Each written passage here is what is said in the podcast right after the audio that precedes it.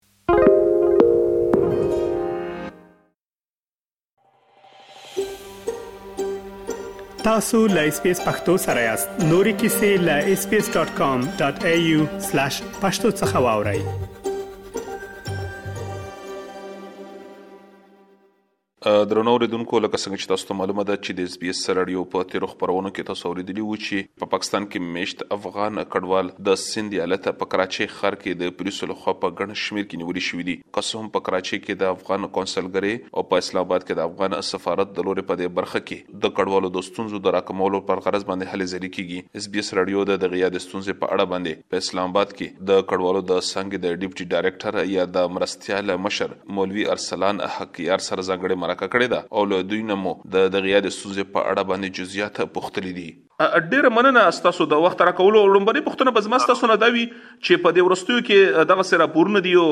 دغسې موږ ولیدل چې په د کډوالو ستونزې ډېرې شوي دي. که لکه عمومي وضعیت یې راته ووایئ چې اوس په سیند کې څه حال احوال دی او دلته بیا په پنجاب کې څه حال احوال دی؟ ستاسو سره څه معلومات دي؟ موجوده حالاتو کې خو ستونزه همدا یوه ده مهاجرینو ته چې هغه تاسې به په جریان کې یاستئ چې د پاکستان حکومت ته هغه مهاجرین چې ان ډاکومنټس وي، اسناد نه لري، پاکستان ته راغلي وي، د خپل قانون لاندې چې چوده پاره نکټ دفعه ورباندې لګوي، د دغې مسئلې په جریان کې دوی تقریبا د دوه زرو په شاوخوا کې بندیان د سند او کراچۍ په اطرافو کې نیولي دي چې د هغو له جملې څخه درې سوه شپږ ویشت تقریباً په همدا اوس ورځو کې درې سوه بندیان نن خلاص شو چې هغه ډیپورټ کیږي او او پنځه سوه چې لیرې شوي دي هغه به څو ورځې بعد انشاالله په وعده کې دي چې هغه به خلاصیږي انشاالله تعالی. زما به دویمه پوښتنه دا وي چې دغه شانتې په لومړي ځل باندې داسې په ډېر شمېر کې زنانه او ماشومان هم ونیول شول تاسو په دې برخه کې د پاکستان دولت سره کوم خبرې شریکې کړې او هغوی ته مو خپلې اندېښنې وښودلې چې په دې باندې دغه ولې نه ولې نه څو وارې د د لوړ پولو چارواکو سره الحمدالله د موږ د امبیسیډر سفیر صاحب د موږ د اتشې د ما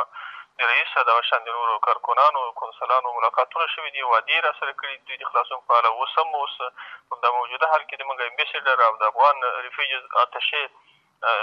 ریپریزنټیټیو یا رئیس محمد اصیف ځدراڼه په کراچۍ کې موقعیت لري چې د دغه بندیانو د خلاصون لپاره او دوی ته د موټرو نیولو، د خوراک، د نغدو پیسو د ډیپورټ کولو، د فساد د مخنیوي په خاطر الحمدالله په کراچۍ کې په کنسولېټ کې موجود دي، د سفر شپې ورځې تېروي او چارواکو وعده کړې ده چې د دغې میاشتې تر پایه به انشاالله دا ټول بندیان هغه په منظم ډول تدریجي شکل کې خلاصیږي. یوه پوښتنه دا ده چې دا اوس د خپلو ضرورتونو لپاره د درملنې لپاره او د معاش لپاره د پاکستان مخه کوي بیا د کراچۍ لوی ښار کې دغه اوس ستونزه یا مشکل مخې ته راغلو داسې څه لوی علتونه مخې ته راغلل چې داسې په یو ځای باندې دغه ستونزه یا دا مشکل داسې راولاړ شو؟ دې سره چې سړی نظر د خپل ملک حالاتو ته وکړي، په دغه اعتبار باندې دوی بعضې اقدامات وکړل چې موجوده حالاتو کې دوی هم د بعضې مشکلاتو سره ځانونه لاس و ګرېوان بولي نو غواړي چې خپله سیکورټي قایمه کړي او د داسې اشخاصو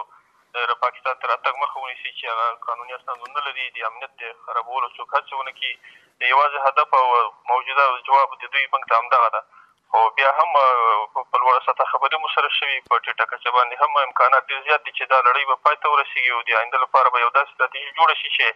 افغانان به نه ځورول کېږي او نه به نیول کېږي. ان شاءالله موږ هیله مند یو او دغسې نېکه تمه ترېنه لرو. دا د کارټونو وخت مودې سر ختمې شوي دي، ځینې خلک دا شکایتونه لري چې دوی سره کارډونه هم شته خو بیا یې پولیس ځوروي یا یې په بندیخانو کې واچوي، کارډونه ترېنه ضبط کړي، داسې نورې هم ډېرې ستونزې یا ډېرې شکایتونه دي سفارت په دې برخه کې د هغوی د شکایتونو د فوري ازالې لپاره د سیستم یا میکانیزم لري؟ بلکل ولې نه د دغسې پېښې جزي جزي واقع کېږي په ټول پاکستان کې متاسفانه په ټولو صوبو کې نشته په بعضې صوبو کې موږ دا خبره اورو خو چې بیا د کارډ هولډر د کارډ لرونکي کله ارست وشي دوی ونیسي په ډېره عاجله توګه باندې مونږ ویریفیکیشن سفارت نه ورکوو او همدغه شان شارپ هغوی د ازادولو لپاره ډېر جدي اقدام کوي په دې سره سره د پاکستان حکومت دا قانون ده چې د کارت لرونکي باندې هغوی ایف آی آر کاټولی نه شي نو معمولي ستونزه ورته جوړولی شي په بعضو ځایونو کې خو عمومي سطح باندې داسې نیول رانیول د کارت لرونکو په باره کې نشته دی. دا نوي کډوال راللو زاړه کډوال دي دوی ته د کارډونو په برخه کې ستونزه یا د دوی د رجسټریشن مسله ده سفارت په دې برخه کې څه کوي؟ ولې نه کوي سل وارې مونږ د چيف کمشنر اف افغان ريفيوجيز اسلام اباد هغوي سره څو ميټنګونه شوي دغه څان سفران وزير محترم ډاکټر طلحه محمود صاحب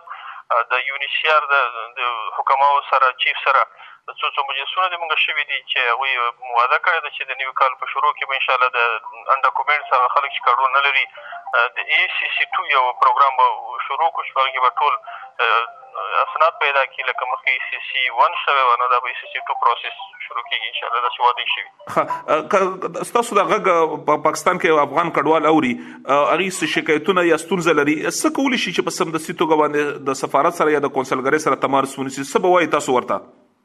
بلکل کولای شی زمونږ نمبر یی زمونږ فیجونه زمونږ خدمات اخو هر وخت یعنی د ورځی خو څه که د شپی هم راتللی هم شی تلیفون هم کولای شی او خپله ستونزه د موږ سره د سفارت سره د کونسلیټ سره د اتشو سره په هر وخت کی شریکولای شی دا خو اوس چانه پټه نده الحمدالله د مونږ ایډیانی د مونږ